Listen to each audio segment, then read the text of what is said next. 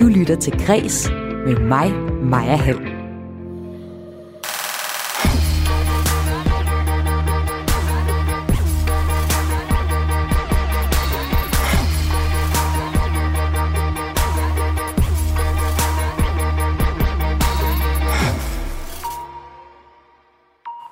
Ronnie Atkins fra bandet Pretty Mates er gået solo efter en alvorlig kraftdiagnose.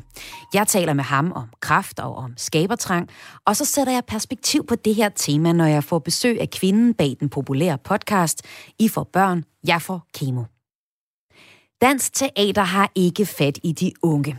Sådan proklamerede teaterdirektør for Avenue T i går. Den pointe faldt ikke i god jord hos resten af teaterbranchens direktører, så jeg inviterer til dialogkaffe her i Græs. Hvor du også skal høre om et teaterstykke om den temperamentsfulde fodboldspiller Stig Tøfting. Og du kan også høre om min dokumentar om popstjernen Britney Spears og hendes sammenbrud. Jeg hedder Maja Hall. Velkommen til Kris.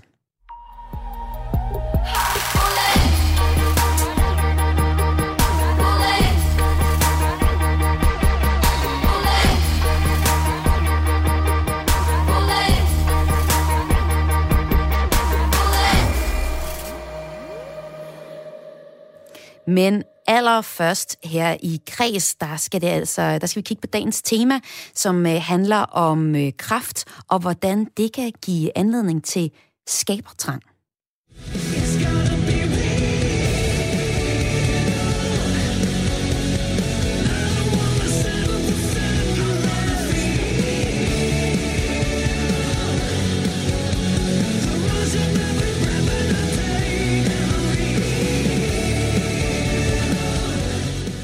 Ronnie Atkins, som ja, du måske kender fra det internationalt anerkendte 80'er band Pretty Mates, udgiver nu sange i eget navn. Og her var det en bid fra nummeret Real. Inspiration til det her nummer, det øh, kom til ham efter en ret alvorlig kræftdiagnose. Og i dag så synger han også for at jage de sorte tanker på flugt. Min kollega Lene Grønborg har talt med ham om karrieren i, den internationale, i det internationale succesband Pretty Mates, og om hvordan kraften i dag har givet ham et nyt perspektiv på både livet og musikken. Historien om Ronnie Atkins, den starter med fællesang i Ronnies barndomshjem. Mit første møde med musikken, det tror jeg, der kommer helt tilbage, da, da jeg var barn. Jeg har tre søskende, som er mellem 9 og 13 år ældre end mig, og, og vi sang meget derhjemme, og øh, jeg husker, vi at jeg My Bonnie's Over the Ocean. og, så, øh, og så blev jeg jo ellers bare flasket op med masser af 60'er, Beatles, Bee Gees og alt, alt muligt. Starten af 70'erne måske. Og så op sidst i 70'erne, så var der begyndt sådan at lytte til, altså begyndte jeg at lytte til alle de gamle heavy, sådan som Purple, Black Sabbath, Zeppelin, og så Thin Lizzy og ACDC. Så kom det, så kom hele den der new wave of British heavy metal der i starten af 80'erne, og så, så er det det, jeg var på. Altså, men jeg kunne stadigvæk godt lide popmusik, men jeg kan huske, jeg husker, at jeg stadigvæk nogle Bee Gees-plager og, nogle ABBA-plager i min plage sammen. Dem gemte jeg sådan, når rørene de kom på besøg. Det skulle de jo ikke se af. Men uh, en god, god sang er en god sang.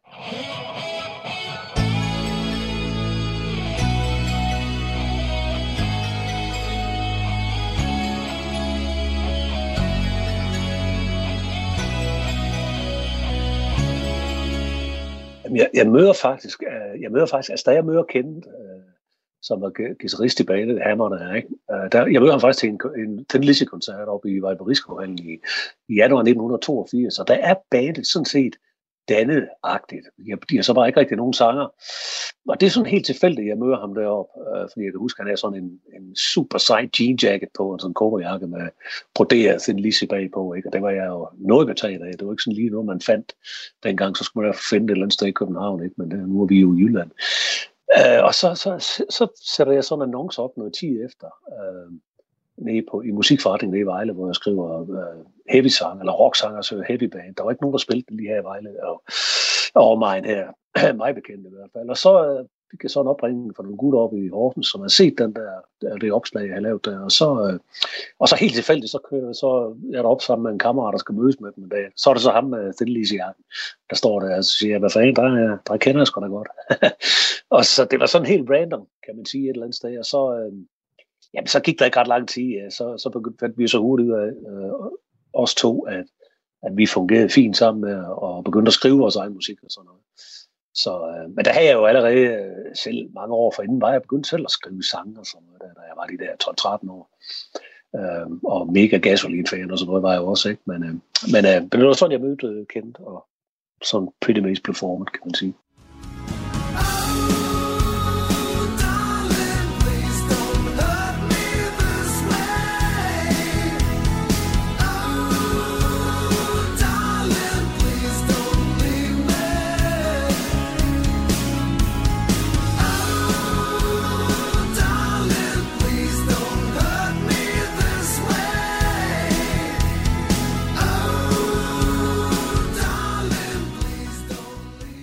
Vidste, vi kunne noget, og vi ville noget, og, og vi havde det der motto, at jamen, altså, vi tænkte, jamen, behøver skulle komme fra USA eller England for at, at, og, og slå igennem. Så vi troede jo enormt meget på os selv hele tiden. Ikke? Og så gik det sådan lidt slag i slag, så fik vi noget hul igennem til udlandet, og fik en først en plagekontrakt med et lille selskab, og tog i England i tre uger, og sov på vores, i vores uh, sovepose oven på gear i en, i sådan en kassevogn. Ikke? Altså det var jo the hard way, og og virkelig hårdt publikum, som ikke kendte os, så meget, så jeg fuck off, ikke, du ved, og spytte lidt efter os, og sådan også, ikke? Så, men så gik det stærkt lige pludselig, så mødte vi, så fik vi en promoter, der Tomten, som lavede alle de store heavy-koncerter i, i 80'erne og 70'erne der. Um, så kom vi så ligesom under hans vinger, og han havde kontakten, og så lige pludselig så blev vi så signet til CBS Records og Sony Music og sådan noget dengang. Ja, det, det blev til Sony Music. Og så kom vi jo med nogle af de store bands på tur, Deep Purple og Saxon og sådan noget, hvad det hed dengang. Um, og, og fik jo et, øh, et, genbrud i, i, i Europa. Ikke? Kom også på MTV og var i USA og lavede plager. Og, altså, det, det gik så stærkt. Altså, jeg vil sige, sådan imellem 485 og, og 92, det var sådan, hvad skal man sige, i virkeligheden virkelig vores storhedstid. Ikke? Og der var der jo fokus på den form for musik. Du kunne få det på radioen, du kunne få det på MTV, og det var sådan mainstream. Ikke? Og så kom grunchen, og så gik det hele sådan lidt i, lidt i, i dvale igen. Ikke?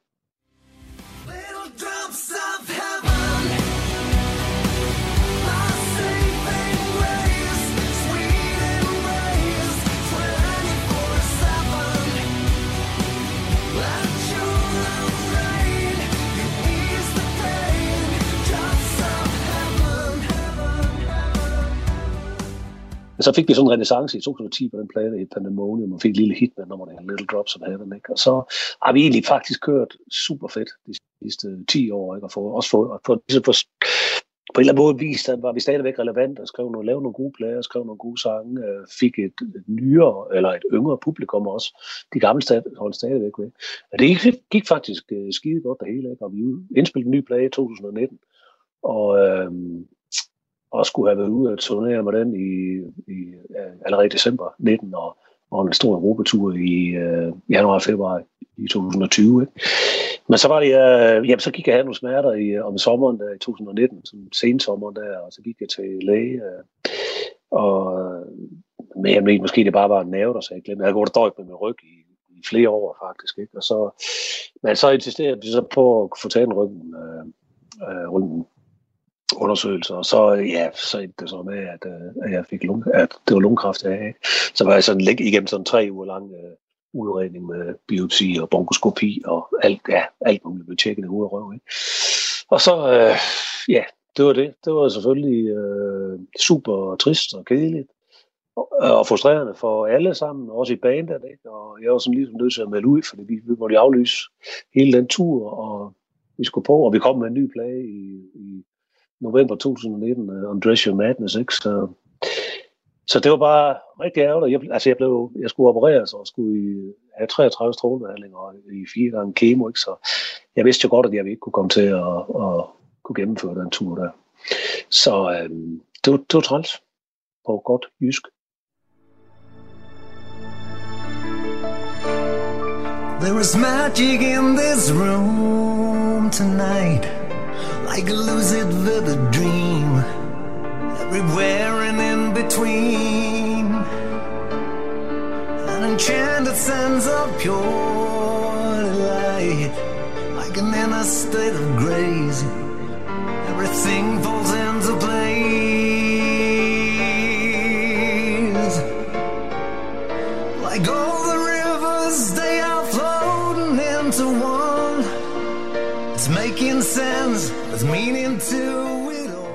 Jamen altså, så, så, så havde jeg, så jeg havde faktisk en lang periode, hvor jeg ikke kunne, øh, hvor jeg ikke rigtig kunne synge igennem, fordi mit, øh, mit lungevæv var beskaget af stråler. Øh, så der jeg sådan hele forår 2020, det var først hen i maj, jeg sådan begyndte at få min stemme for alvor tilbage igen. Og, og, øh, og så prøvede jeg at synge et nummer på sådan et andet projekt, bare for at høre, hvordan det lød. Øh, det var sådan indspillet af et gammelt Tina Turner-nummer, øh, We Don't Need Another Hero, for noget af The Movies. Det gik jeg så over og lavede uh, sådan lige to takes, og det gik super fedt.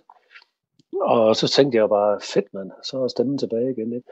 Altså det skal lige siges, at jeg fik jo ikke ret lang tid efter, jeg faktisk var blevet klæret i februar øh, 2020.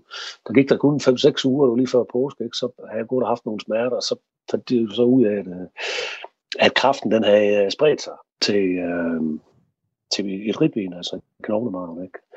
Og, og så fik jeg jo øh, at vide, at jeg havde kraft, fremskridt kraft i stadie 4, ikke? Og, øh, og det var jo ikke nogen særlig god, øh, god statistik, der var for det. Så der gik jeg selvfølgelig panik fra at tro, at jeg sådan næsten var helbredt. Øh, så, øh, så øh, fik jeg lige den der, det var sådan ligesom lidt dødstød. Ikke? Og så for, for ligesom at, at, at hanke op i mig selv og prøve at parkere sygdommen og, og koncentrere mig selv om noget positivt, så besluttede jeg mig for at lave den øh, plade. For jeg havde en masse sange, jeg havde skrevet, som var meget mere personlige.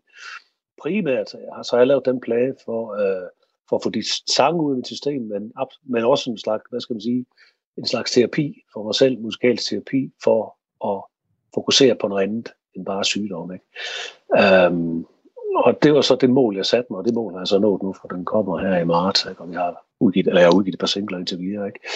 One Shot er egentlig, startede egentlig mere som lidt beskrevet på piano faktisk, som ballade. Ikke?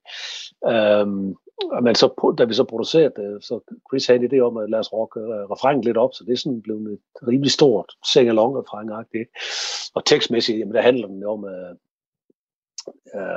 uh, altså one shot, one life, one chance to throw the ikke? Maybe tomorrow is too late. Altså det siger jo egentlig sådan et eller andet sted det hele?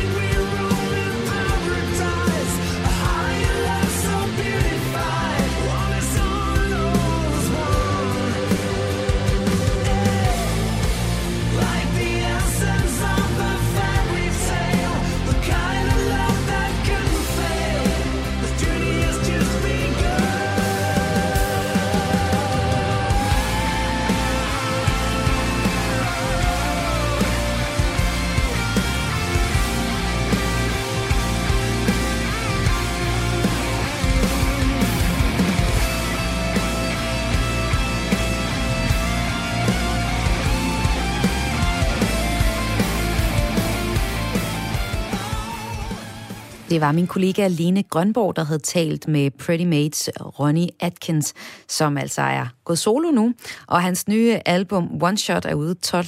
marts. Men du kan allerede nu lytte til de to singler One Shot og Real. Senere her i programmet Kreds, der øh, taler jeg videre om kraft og skabertrang. For vi kan faktisk se her på Kreds-redaktionen, at det er der en, en tematik, som flere vender tilbage til. Og øh, i, senere i det her program, der taler jeg med Ditte Svensson. Hun har nemlig lavet den populære podcast I får børn, og jeg får kemo. På baggrund af et langt øh, sygdomsforløb netop med kræft. Men inden jeg vender tilbage til dagens måske lidt tunge tema, men vigtige tema i hvert fald, så får du her et overblik over de vigtigste nyheder fra kulturens verden.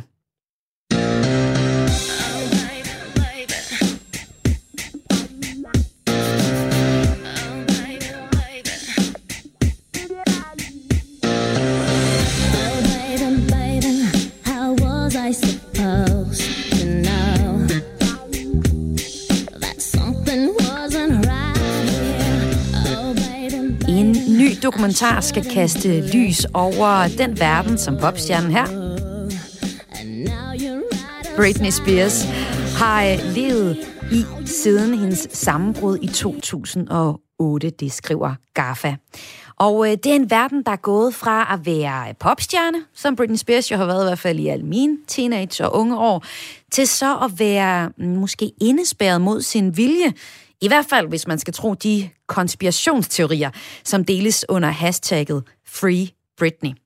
Sangerens far er blevet øh, hendes værve efter hendes øh, sammenbrud, og øh, det er så ham, som man tror har holdt hende indespærret i hendes hjem mod hendes vilje. Hvis man altså skal tro nogle af de teorier, som der florerer øh, om hendes øh, far, og det er fra fans, de kommer fra det her. Øh, hendes opslag på sociale medier har så også været... Øh, mere og mere underlige. De har taget en drejning øh, mod det lidt mærkelige, har jeg kunne se på for eksempel Instagram. Og fans mener, at de her lidt mærkelige indslag, opslag, det er et øh, hemmeligt råb om hjælp. Det er der nu ikke nødvendigvis noget, der tyder på, men det er i hvert fald noget af det, de ser nærmere på i dokumentaren, der har fået navnet Framing Britney. Og øh, det er en del af New York Times efterforsk- efterforskningsdokumentar, som udkommer på streamingtjenesten øh, Hulu. Og det er faktisk gratis at se den. Det går nok bare så ikke lige en tjeneste, man nemt kan få lov at se her i Danmark, men det kan omgås ved en øh, VPN-forbindelse.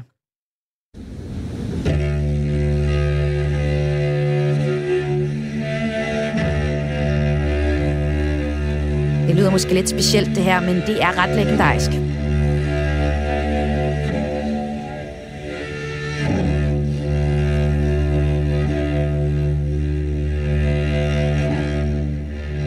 Yes, we've heard it often.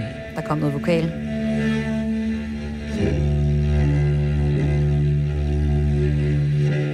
Altså, det er ikke nødvendigvis øh, fantastisk musik, det her.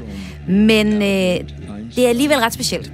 Fordi det, du hører her, det er den nyeste udgivelse fra Torben Ulrik. Og hvis Torben Ulrik siger der noget, så er det fordi, at øh, det er trommeslæren i Metallicas, Lars Ulriks far. Og øh, han har udgivet musik i en alder af 92 år. Og sådan, altså vores allesammen Lars Ulrik, han har delt sin fars musik på Twitter under hashtagget hashtag Heavy Metal Gandalf. Og øh, Tom Ulrik, han er fra 1928, som man kan med god grund kalde ham en Gandalf. Han er øh, 92 år gammel. Han har et ret fint CV, som blandt andet tæller maler, musiker, filmskaber, digter, forfatter og tennisspiller.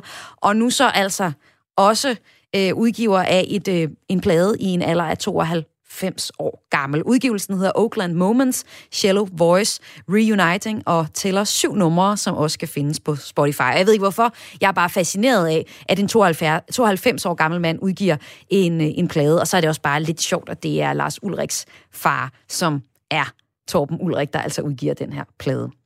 Den sidste korte nye historie, jeg skal fortælle dig om, det er, at øh, fodboldspiller Stig Tøftings liv nu bliver til en teaterforestilling. Stig Tøfting er kendt som den løbestærke midtbanedynamo med gnistrende temperament. Efter skuffende ophold i Hamburg Sportsverein har han stadig ambitionerne i behold. Altså, jeg har hele tiden haft den ambition, at, at, at jeg vil gerne vil være en af de bedste. Han blev i hvert fald en af de store, og øh, her der lød det i et gammelt klip fra TV2 Østjylland, som jeg havde fundet frem på YouTube. Det er teateret Svalegangen i Aarhus, der vil sørge for, at Stig Tøftings liv nu bliver til teater. Og selvom øh, Tøfting ikke selv har været meget i teateret i sit liv, så er han ret beæret. Og så ved han også godt, hvad øh, teateret Svalegangen er, for øh, det ligger lige ved siden af Jensens Bøfhus, som han siger til Aarhus Stifttidene. Stykket bærer navnet No Regrets, ligesom biografen om Tøfting gør. Og i pressemeddelelsen fra det Aarhusianske Teater, så står der, at Intet er pakket væk i en hudløs ærlig fortælling om no regrets, voldsdomme, fodboldens skyggesider, eller dagen, hvor den 13-årige Stig kommer hjem fra en kamp og finder begge forældre skudt i lejligheden på Frederiks Allé. 18 timer senere spiller han en kamp i Randers og bliver kåret til kampens bedste spiller. Og hvis ikke det skulle få dig til at gå i teateret og se det her, så måske bare lige et lille klip mere fra TV2 Østjyllands Gemmer. Et klip med Stig Tøfting fra dengang han øh, havde hår på hovedet, gik i hvid rullekrav og øh, holdkammeraterne blandt andet hed Lars Vindfeldt. Topmotiveret er han, når han befinder sig midt i kampens hede. Ja, rent fodboldmæssigt er han jo en utrolig god holdspiller, og øh, han er en fighter af Guds nåde til både til, altså utrolig aktiv for vores hold, men nogle gange er det også så, så udtalt, at han måske bliver sin egen og største modstander. Og det, det er ikke altid godt. Der er premiere på No Regrets om øh, Stig Tøfting i marts næste år. Og så kan du høre mere om teaterstykket øh, om den her ildre fodboldspiller i dag i programmet Firtoget. Det er klokken 15.05 efter en nyhedsudsendelse.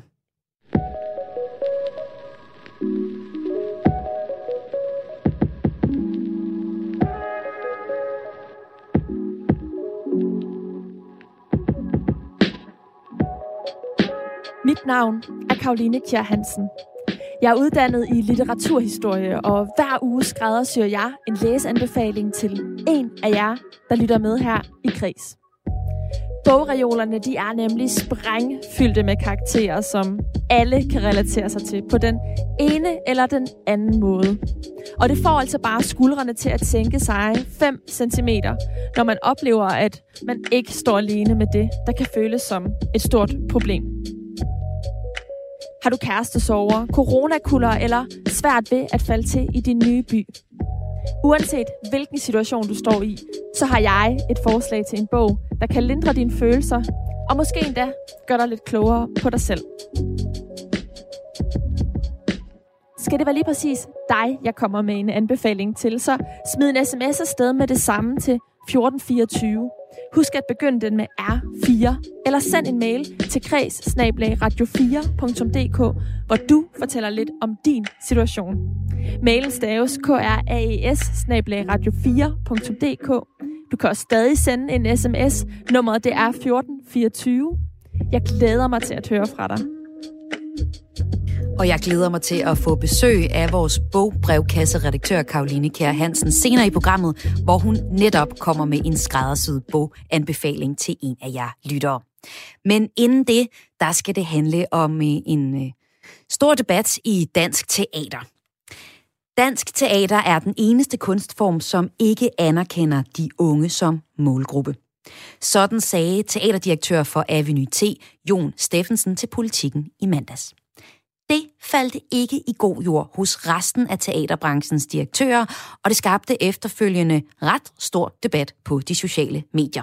Det fik blandt andet Pelle Koppel, som er teaterdirektør på Teater V, til at spørge på Facebook, Kære Jon, vil du venligst stoppe med at udbrede absurde usandheder om den danske teaterbranche?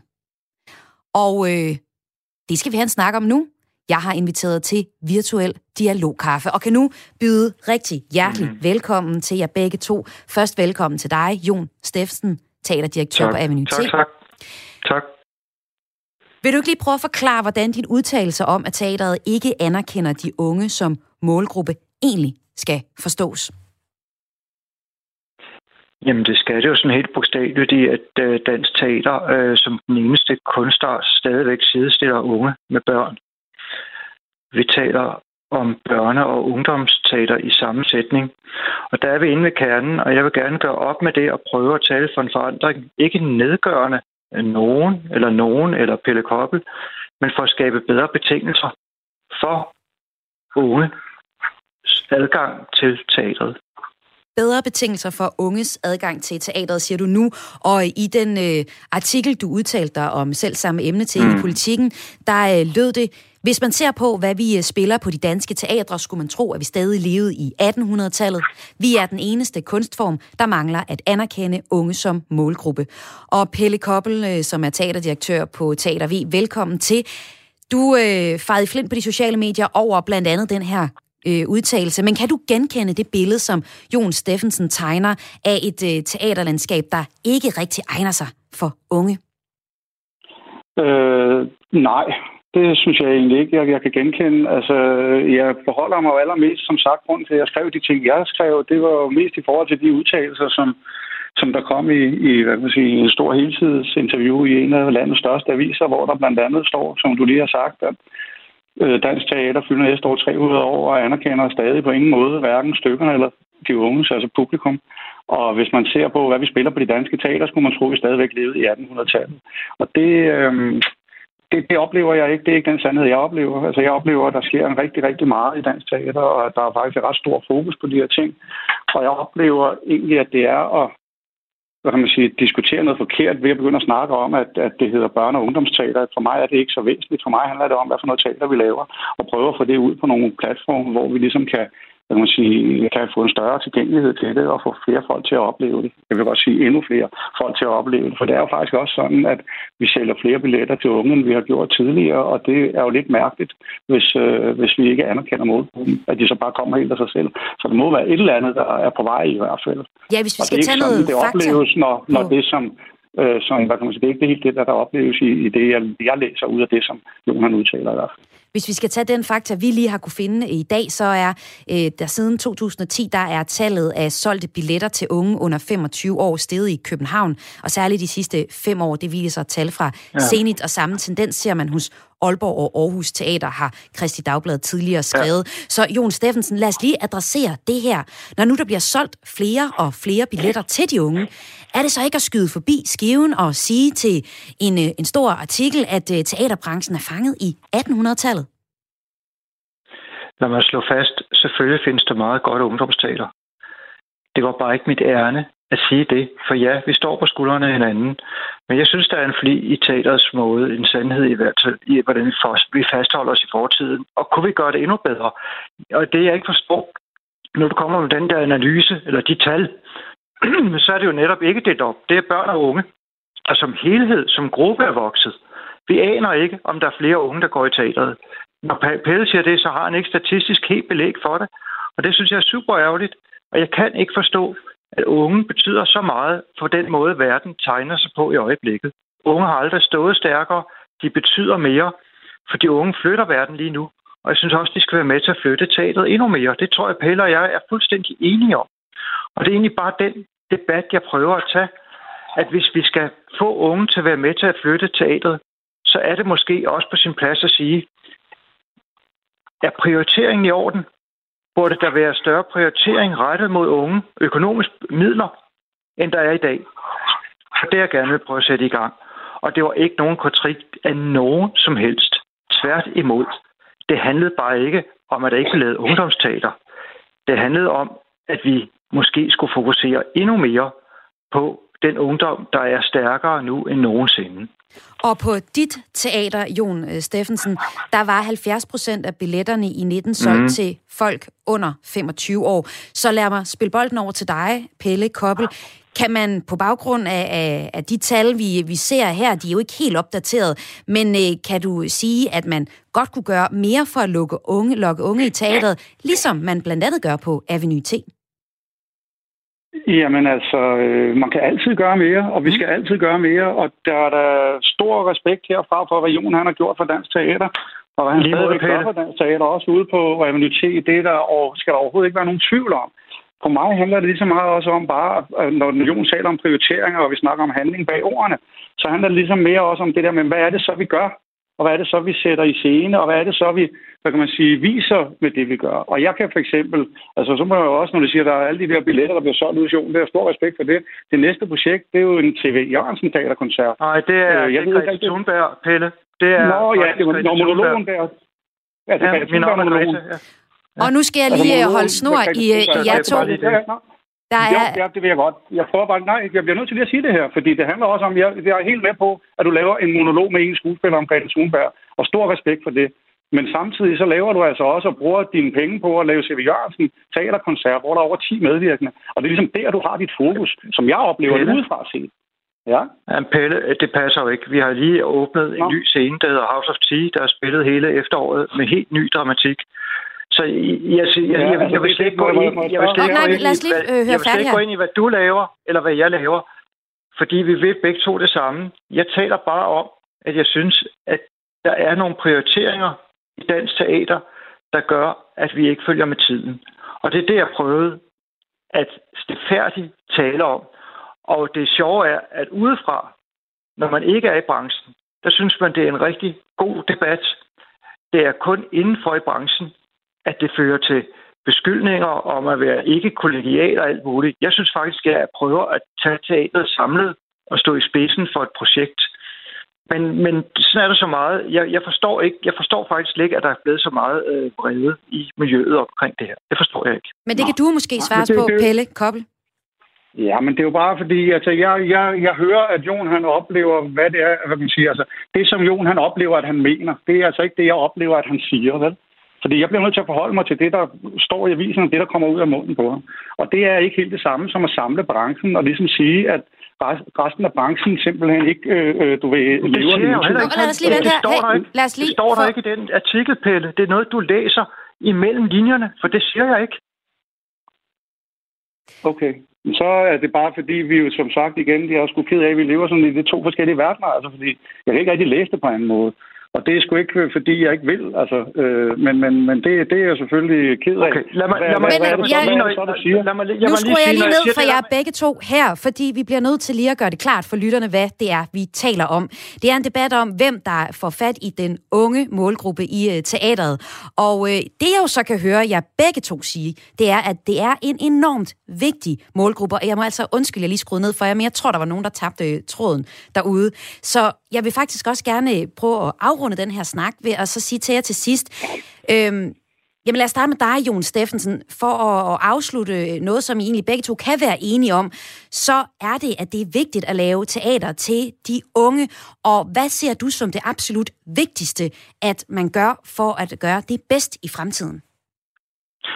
Det er, at der fokuseres også politisk langt mere på, at unge betyder meget mere, end de nogensinde har betydet.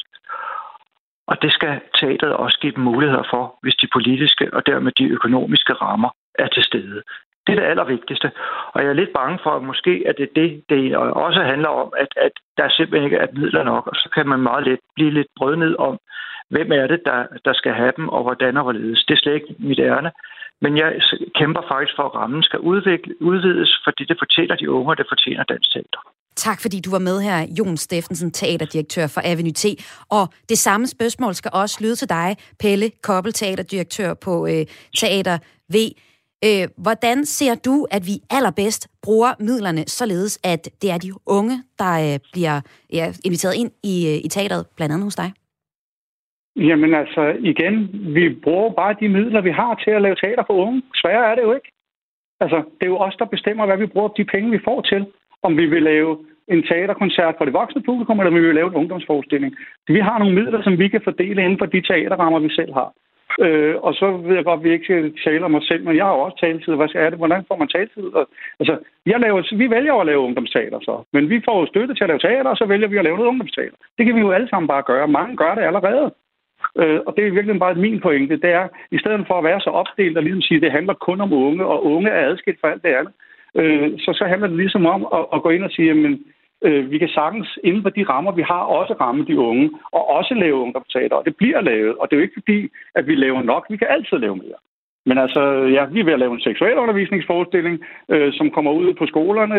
Vi har en forskning, der hedder til ungdommen, som kommer til efteråret, øh, som er baseret på, på hvad kan man sige, tekster fra unge menneskers liv. Øh, altså, det er jo alle mulige andre gør det. Nu kommer jeg til at sidde her, du ved, og, og, og, og tale for mig selv. Yeah. Og det, altså, det, men det er fandme svært, det her, hvordan vi skal gøre det. Jeg prøver bare at sige, der sker rigtig, rigtig meget. Dansk teater er ikke, hvad kan man sige, død eller gået i stå eller noget. Der, der er rigtig meget gang i den.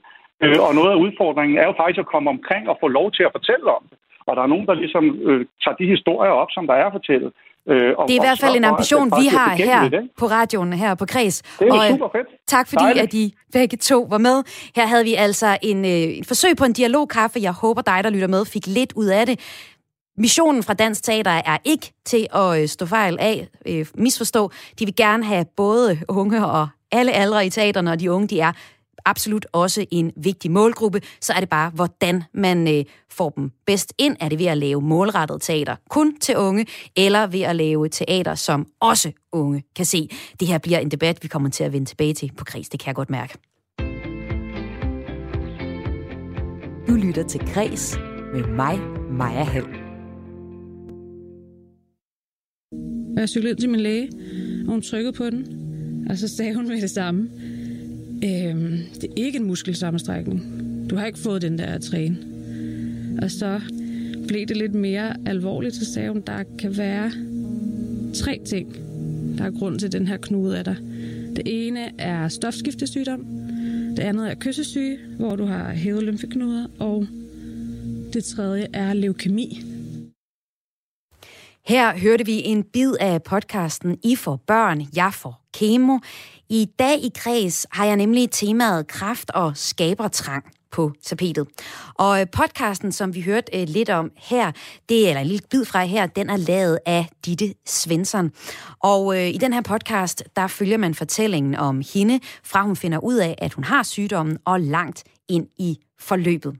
Og øh, vi skal tale om Ditte Svensson lige om et øjeblik, og vi skal prøve at høre, hvordan øh, hun har arbejdet med sin egen kraftdiagnose, og hvordan hun så har lavet det til en øh, podcast. Og øh, jeg har Ditte med på øh, telefon nu. Ditte Svensson, velkommen til. Tusind tak. Jeg skal lige skrue lidt op for dig. Ditte, lad os lige spore ind på din historie. Hvordan opdagede, opdagede du, at du øh, havde kræft? Jamen, jeg opdagede en hård knude i min hals, som ikke har været der før. Og så tænkte jeg, at ligesom de fleste andre, den bliver nok nødt til at lige at få undersøgt. Og så kontaktede jeg min læge, og så derfra rullede det hele, og vi fandt ud af, at det ikke bare var en uskyldig knude, jeg havde fået af at træne, som var ellers det, jeg troede til at starte med. Og da du får beskeden øh, hos lægen om, at der er noget virkelig galt, øh, der forstår du nok egentlig lidt mere end de fleste omkring den her sygdom, fordi du har faktisk haft det tæt ind på livet før. Hvordan det? Ja, øhm, jeg er desværre i den situation, at min storebror også har haft kræft. Så da jeg sidder sammen med min kæreste og min far til lægekonsultationen, og vi skal få at vide, hvad pokker det er, der er inde i den her knude, øh, og lægen siger, at jeg har lymfekræft, så ved jeg faktisk ret meget om, hvad pokker det indebærer, fordi jeg jo nogle år forinden har undersøgt det øh, ret tæt øh, og været vidne til min brors lymfekræftforløb. Så jeg har en masse erfaringer og en masse øh, tanker om, hvad pokker det er, der er forud for mig. Så al den research og alt det, du har googlet og talt med din bror om, det vælter ind over dig, da du får den her diagnose? Lige præcis. Øh, og jeg kan mærke, at det lige pludselig bliver meget virkeligt, fordi at det er meget øh, realistisk for mig, hvad det er for et forløb, øh, det ser ud til, i hvert fald, hvad jeg forestiller mig på det tidspunkt, at jeg skal have. Og hvordan forløber det så? Øhm, det viser sig, at jeg ikke øh, endte med at have den samme form for lymfekræft, som min storebror han har haft. Øh, og det betyder så, at vores behandlinger ikke har været de samme overhovedet, men der er en masse tanker, og der er en mm. masse frygt, og der er en masse bekymring, som blusser op igen. Øh, og samtidig var jeg jo ny i situationen med at være den, der var den syge. Jeg har været vant til at være pårørende til ham. Øh, så lige pludselig kunne jeg godt forstå, hvordan det skulle være for alle dem, der lige pludselig blev pårørende til mig. Øh, min familie blev selvfølgelig pårørende igen, men alle mine tætte venner og veninder og alle dem, der var tæt på mig, stod pludselig i en ny situation og skulle være pårørende. Det kunne jeg faktisk godt sætte mig ind i. Så jeg kunne godt genkende en masse af de tanker og frustrationer og al den magtesløshed, der, der pludselig ville være for dem. Og det er jo noget af den her viden, du bruger i din podcast. Og temaet i dag, det er øh, kraft og skabertrang. Øh, fordi en af de ting, du også har oplevet, øh, er et behov for at gøre, det er at optage nogle af de tanker øh, om at få kemo, og det har du optaget med din veninde Freja. Hvorfor var det vigtigt for dig på, på det tidspunkt at, at optage, din, optage dine samtaler med Freja? Det blev pludselig vigtigt for mig, da det gik op for mig, at jeg var hammerne skrøbelig. Jeg stod til at skulle være i kemobehandling i seks måneder. Øh, og i starten var jeg meget praktisk, og der var en masse ting, jeg gerne ville styr på at forholde mig til at starte behandlingen. Men da jeg var omkring halvvejs, gik det op for mig, at der skal ikke mere end en enkelt bakterie til. Så er jeg her ikke i morgen, eller så er jeg ikke i aften. Øhm, og det gjorde, at jeg fik et behov for øh, at dele noget af alt det, jeg gik igennem til mine pårørende, så hvis nu jeg pludselig ikke var her mere. For jeg stod også i sådan en situation, at jeg mistede mit immunforsvar efter min første kemobehandling ud af 12 kemobehandlinger. Så jeg var isoleret, som de fleste har prøvet nu under corona. Det var jeg også i det meste af 2019, så jeg så ikke nogen, kunne ikke gå ud for en dør, måtte ikke noget som helst. Så jeg havde ikke muligheden for at fortælle alle mine nære, hvordan jeg havde det, for jeg måtte ikke se nogen. Så jeg fik sådan et behov for at fortælle dem, hvad det er for nogle tanker og følelser, jeg gik med, hvad min oplevelse var, og hvad det var, der kørte rundt i hovedet på mig, for jeg kunne ikke mødes med dem. Og det, jeg havde ikke energi til at ringe og fortælle det, og hvordan fortæller man egentlig også lige om alt det dårligdom og alle de, de irrationelle og skrøbelige tanker. Så det var det, der ligesom var startskud til, at jeg måtte finde en måde at, at kommunikere det her på, som kunne være der til, hvis nu jeg ikke overlevede. Og øh, vi har tidligere i programmet hørt øh, Ronnie Atkins fra Pretty Mates, øh, stå med de samme øh, tanker og udfordringer. Han lavede det til øh, musik. Du har så lavet det til en podcast, øh, som er blevet ganske populær, en podcast, som man kan høre på Radio Loud. Der er flere forskellige fortællinger i podcasten, og en af dem, der gjorde særligt indtryk på mig, og også her på Kreds, den handler om et valg, du får, hvor du skal vælge din egen kraftbehandling. Lad os lige prøve at høre en øh, bid af podcasten her. Ditte Slage Martin præsenterer Ditte for to forskellige kemobehandlinger.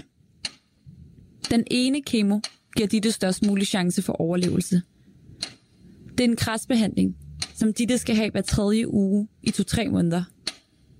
Vælger hun den korte med en kan Ditte aldrig få børn. Den anden behandling får man normalt, når kræften ikke er så aggressiv. Det er en kemo, der gives over længere tid.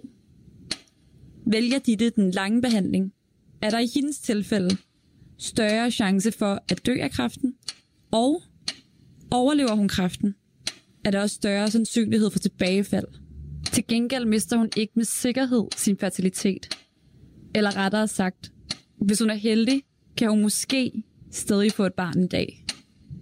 Spørgsmålet, som Ditte skal svare på nu, er, hvilken behandling vælger du?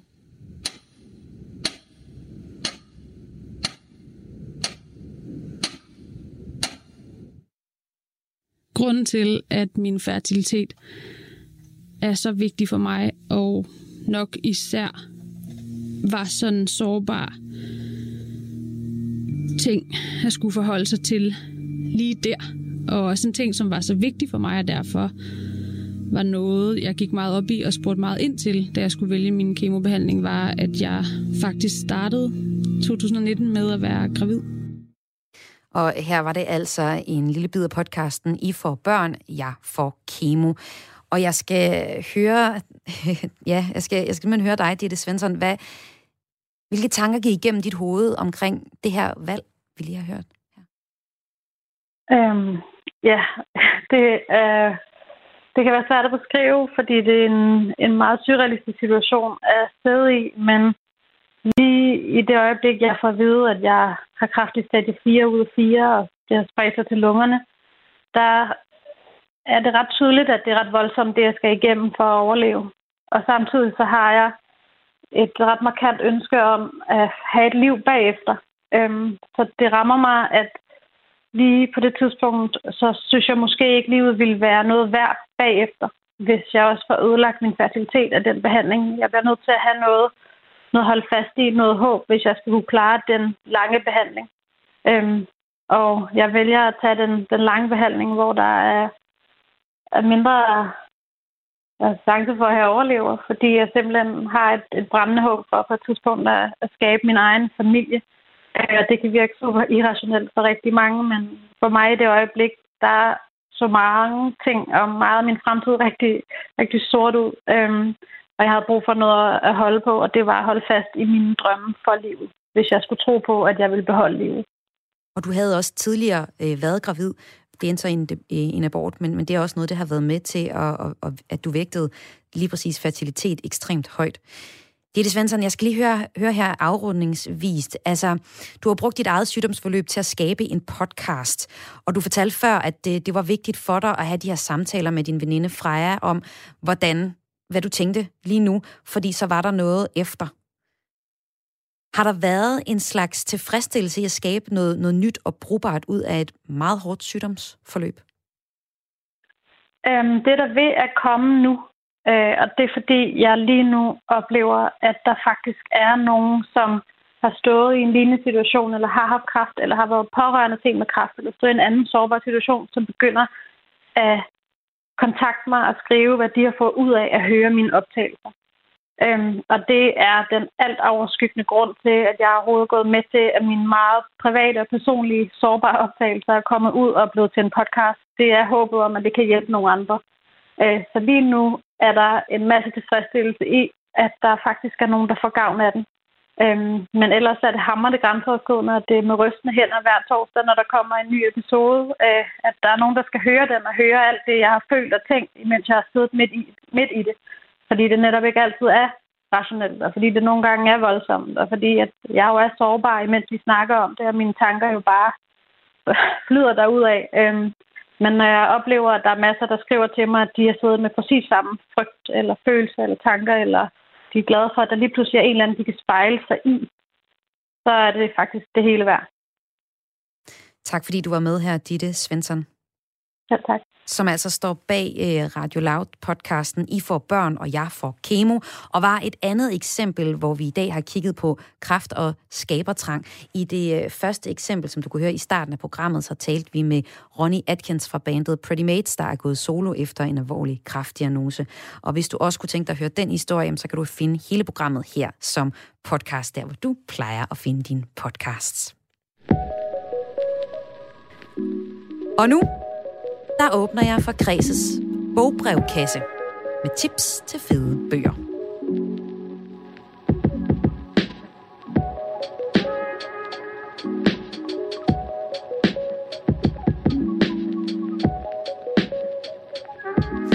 Det er nemlig sådan, at flere og flere her under nedlukningen er begyndt på, eller har genoptaget det der med at læse bøger.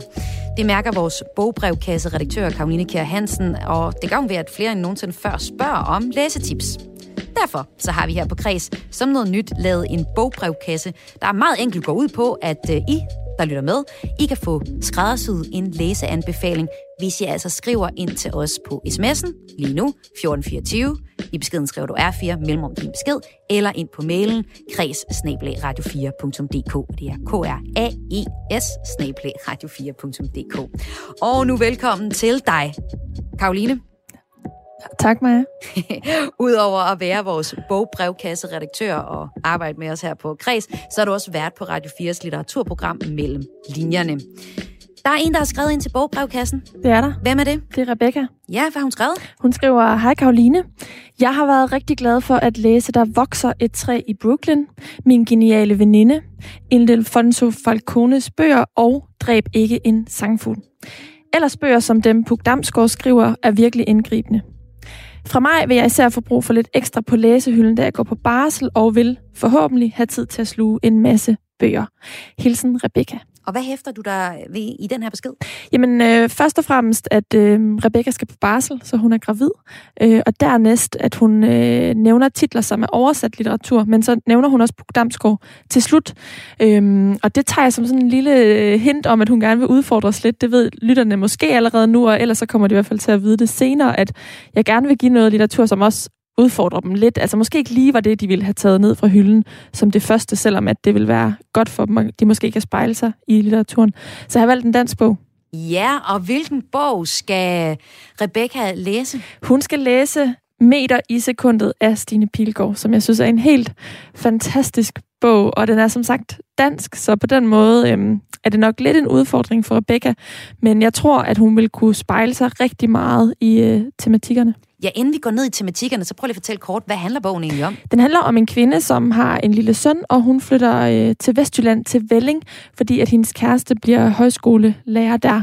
Øhm, og så prøver hun simpelthen at få øh, livet til at køre derude, og det er ikke så nemt, øhm, fordi hun er lidt speciel, og det er både nyt for hende at skulle være i Vestjylland og kommunikere med folk, som knap nok kommunikerer derude, øhm, og også bare det at være blevet mor og være blevet forældre. Så hun står sådan lidt med fødderne på nyt, øh, ny grund på flere planer, kan man sige. Og hvorfor skal Rebecca lige præcis øh, læse den her bog?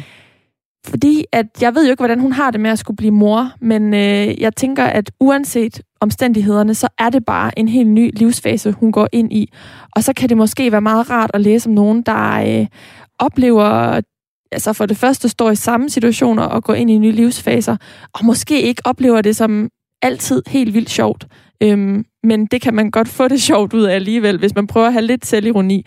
Og det er noget af det, jeg synes er helt fantastisk ved karakteren i Stine Pilgaards roman. Den er skrevet sindssygt humoristisk, fordi hun har så meget selvironi. Så jeg kunne jo også have valgt at anbefale nogle øh, andre bøger, hvor at vi ser øh, morrollen beskrevet, øh, som faktisk er et tema, der virkelig vinder frem i dansk litteratur lige for tiden. Øhm, men, men mange af dem sætter ikke nødvendigvis det, maler ikke det bedste billede af morrollen, øh, og det synes jeg ikke, at karakteren her, altså hun, hun udfordrer det ikke så meget. Hun, hun skriver, at det skulle pisse træls og hårdt, øh, og lever på agtigt mange dage, men, øh, men hun får det alligevel også, hun får noget sjov ud af det. Og det er også en bog, nu har jeg lige været på Barsel selv, som øh, jeg faktisk også har læst den her bog, og øh, det er også en bog, som man nemt kan gå til og fra, og der kan jeg lige sige lidt tip til Rebecca der. Det er rigtig dejligt, og ikke at, ikke at fordybe sig i en roman, der øh, er meget lang, for lige pludselig er der en baby, der øh, kræver alt ens opmærksomhed, og så er det godt at, at læse lidt, lidt mindre af gangen. Men har du et et lille, et lille stykke fra bogen? Det har jeg. Altså, kan... jeg, har, jeg kan nærmest... Jeg har lyst til at læse den hele højt. Ej, men vi, tager lige så vi har men, lige fem minutter, så, så et lille stykke. Ja, vi tager lige et lille stykke, og det er nok faktisk også derfor, jeg gerne vil anbefale den her bog, fordi at øh, mange af de andre bøger handler netop meget om det der med at blive mor.